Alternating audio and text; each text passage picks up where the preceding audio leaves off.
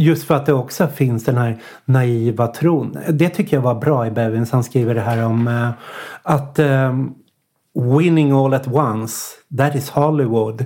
Hur liksom popkulturen genomsyrar mm. alla protester. Att när folk på Tahrirtorget står och beskriver att ja, det här är Sagan om ringen. Mm. Tar vi Tahrirtorget då faller Mordor, då störtar tornet samman. Eller det här är dödsstjärnan som exploderar. Att man tror att det är bara vi går ut och gör ett slag så blir allt liksom mm eh, glada evoker som liksom blåser i trumpeter och hobbitar som dansar. Liksom, ja, sen, ja. Här, när, det, när det egentligen är, det ser inte, det ser inte ut så där att vi är för, mm. vi har ersatt ideologi liksom med en så här Hollywoodföreställning av vad, vad kamp, revolt och seger är för någonting. Ja, det är väldigt, det är väldigt fascinerande tema i den här boken just det där exakt hur Hollywoodifierat det är eller hur Alltså hela titeln på boken ja. If We Burn är ju också då ett slagord som användes i Hongkong ja.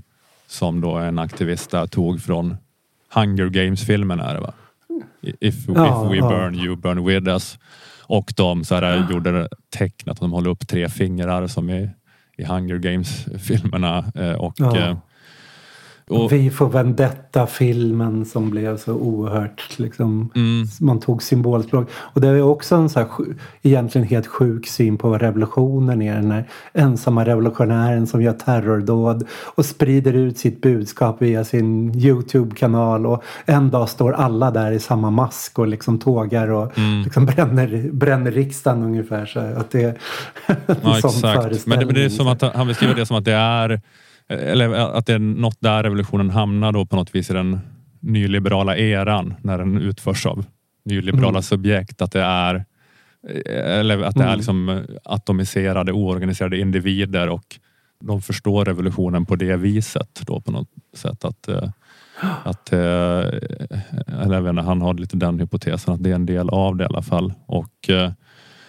precis, ja men det, det är ju nästan liksom så här Ja men just det där att, eh, att det ska vara som i Sagan om ringen eller att man liksom jag vet inte, eller att man bara kör svärdet genom riddare Katos hjärta och så blir alla, förvandlas alla mm. stenar till eh, blommor igen. Eller hur det är. Alltså att man ska vara så i ett slag att det är att det, det, det, är speciellt. Det är speciellt att det kan vara så att, eh, eller för att det är liksom så, det är så förskräckande ansvarslöst på något vis att bedriva politisk aktivism på det viset. Och det är en sak att om man gör det i västvärlden men att man gör det i de här repressiva auktoritära länderna. Eller att han, har, han intervjuar folk i slutet av boken. Så här, vad ser ni som misslyckanden? Vad, var det som, varför gick det fel? Vad var det som inte var bra med det här? Och eh, att många han intervjuade mm. sa att de trodde att en sak som skadat rörelserna och lett till misslyckandena var att de då omedvetet hade intagit positioner och taktiker utvecklade i globala nord som inte var applicerbara i globala syd. Eh, att en egyptisk revolutionär sa att i New York eller Paris om du gör en horisontell ledarlös postideologisk revolt och det inte funkar kan du bara gå vidare sen och ha en karriär inom media eller akademin. Men om du gör samma sak här mm. och revolutionen misslyckas kommer alla dina vänner att hamna i fängelse eller dö. Eh, ja, men det, det, det, är väldigt speciellt ändå att den där, liksom, där lite teatraliska popkulturinfluerade revolutionen kunde ske på de här mm. ställena också i Hongkong, i, i, liksom i Mellanöstern fast att det var så mycket som stod på spel och det var så farligt. Liksom. Och att det var, mm. Men att de ändå inte hade den här liksom, eh, då, eh, organisationen och den här liksom medveten om vilka kort har vi på hand? Vilka, vilka saker är möjliga att genomföra? Vilka är vår fiende? Liksom? Att, eh, ja, det pratar de om i Hongkong, så här, att, att det liksom spåra ur helt, att det bara blir så här någon Jaha. jätteförvirrad idealism. Så att, vi, att, att vi kan liksom inte vi kan inte framea det här som en protest mot fastlandskina. Vi kommer liksom inte besegra Kina. Nej. Men att, eh, utan det måste vara någon slags här, eh, om vi ska tänka strategiskt måste det vara någon slags demonstration där vi är allierade med likasinnade människor i fastlandskina och att det handlar om att utveckla, göra Kina som helhet lite mer demokratiskt på något sätt. Och bla bla bla. Men att, alltså, att, men att de bara är höga på den här liksom då massprotesthysterin och den här liksom euforiska stämningen på gatan.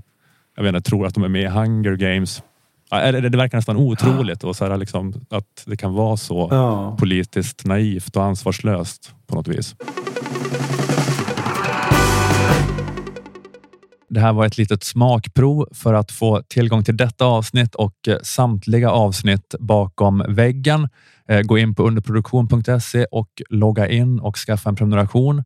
Det kostar endast 29 kronor i månaden och då kan du höra alla fem avsnitt som släpps varje månad och inte bara de två som släpps här i gratisfiden. Och eh, nu med nya sajten nyaunderproduktion.se är det väldigt enkelt. Dels att skaffa prenumerationen, men framför allt att lägga in prenumerantfiden i din favoritapp.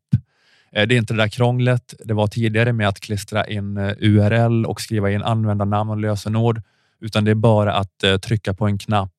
Eh, När ni är inloggade på underproduktion och inne på Stormens utvecklingssida eh, kan ni välja där bland massa appar. Man kan klicka på Apple Podcaster, Google Podcasts, Pocketcasts eller vad det kan vara. Ni kan från en lång lista där välja en favoritapp och så öppnas poddflödet automatiskt i den appen. Eh, skulle det uppstå några problem eller frågor så kan ni mejla support underproduktion.se för snabbt svar.